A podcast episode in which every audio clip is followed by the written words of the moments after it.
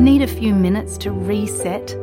Great Minds is a podcast from SBS that guides you through different meditation styles from around the world.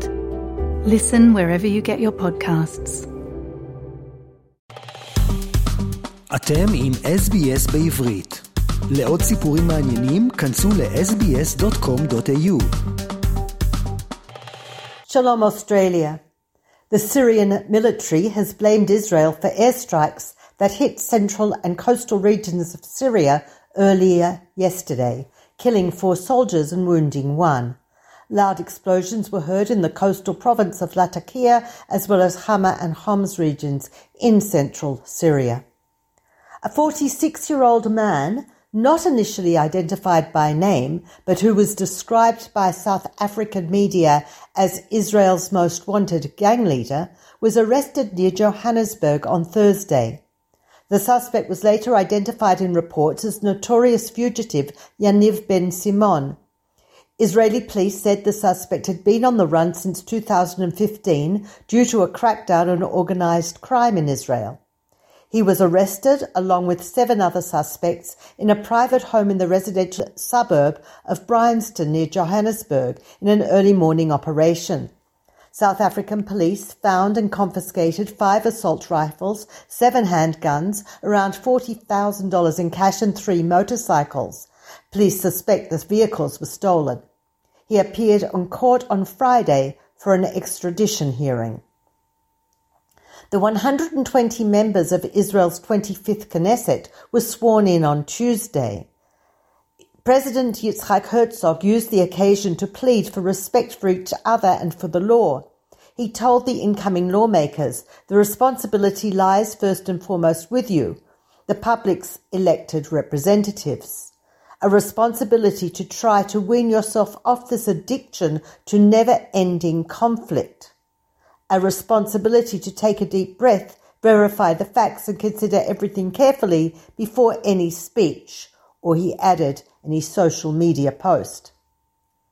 Prime Minister Yair Lapid and Defence Minister Benny Gantz both used the event to repeat their criticism of the US Justice's Department announced earlier in the week's decision to launch an FBI probe into the killing of Palestinian American journalist Shireen Abu Akleh. The outgoing leaders insisted that Israel would not allow its soldiers to be interrogated by any foreign entity. Meanwhile, Prime Minister designate Benjamin Netanyahu has not been able to reach coalition agreements with any of his expected partners. In order to appease the extreme right religious Zionism parties, he has agreed to pass a number of bills, including one that would retroactively legalize dozens of currently illegal West Bank outposts, sometimes known as young settlements, within 60 days of the government being sworn in. The law would allow the legalization of the controversial Homesh outpost and yeshiva. These promises have not satisfied religious Zionism chair Bezalel Smotrich and Otzma Yehudit head Itamar Ben-Gvir, who are determined to take key portfolios in the new government in preference to experienced politicians in Netanyahu's own majority Likud party. Smotrich is refusing to back down from his demand for either the Treasury or the Defence Ministry portfolio, the latter of which, it was reported last night, Netanyahu has said is off the table. This amidst reports of US objections. Rabbi Chaim Druckman, the spiritual advisor for Bezalel Smotrich's party, said on Friday that he supported turning Israel into a state governed by religious law. In an interview with the Israel Hayom Daily, he said there's no problem with having a halachic state. No one is talking about harming people's private lives. How will people's rights be harmed? I don't understand what the problem is. We're talking about a Jewish state.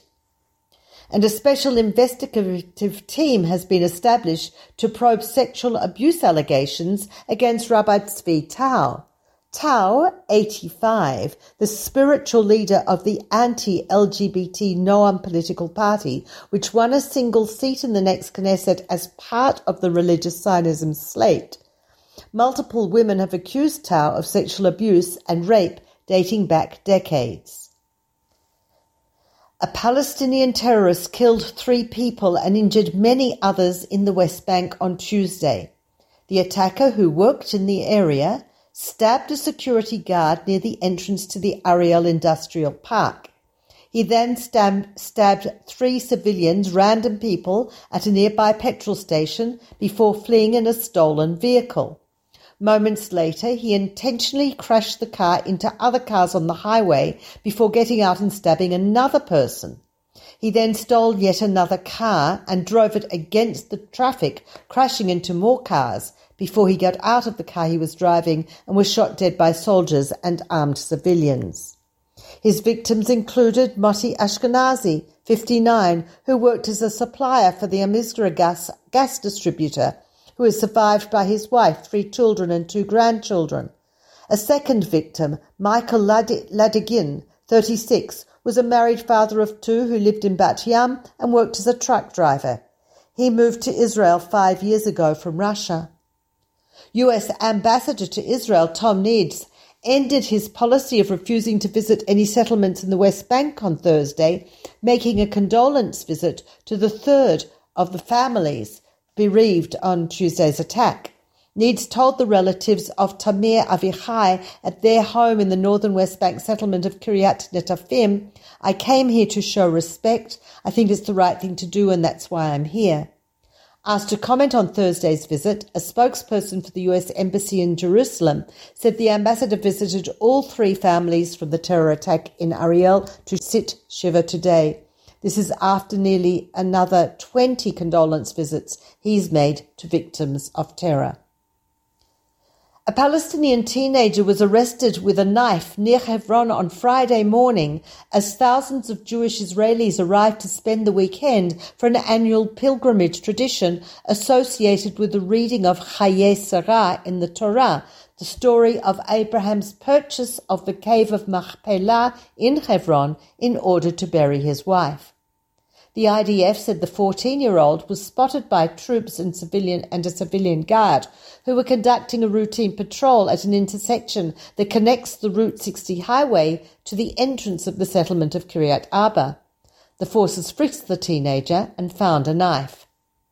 Despite the heightened security precautions, there were several violent incidents over the Shabbat during which 30,000 Jewish visitors came to Hebron on Friday night, a large group of masked men threw stones at a Palestinian home near the city's Jew- Jewish community.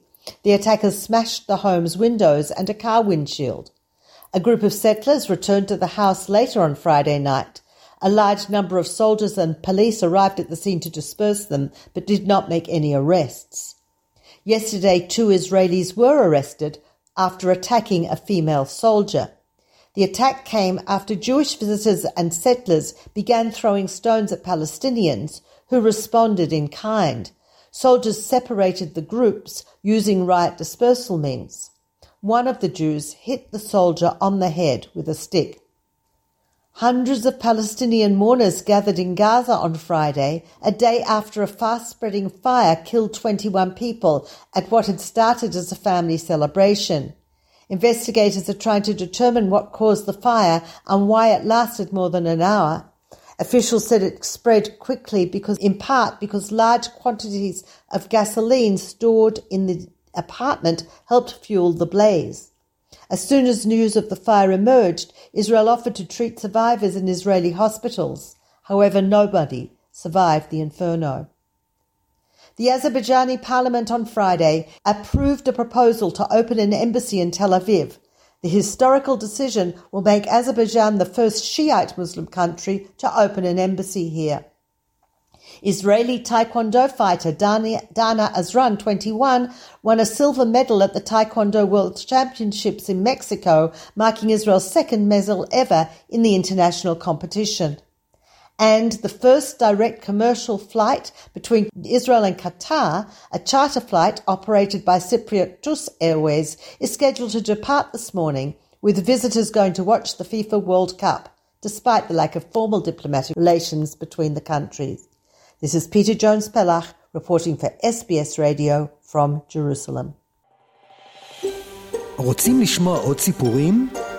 האזינו דרך האפל פודקאסט, גוגל פודקאסט, ספוטיפיי, או בכל מקום אחר בו ניתן להאזין לפודקאסטים.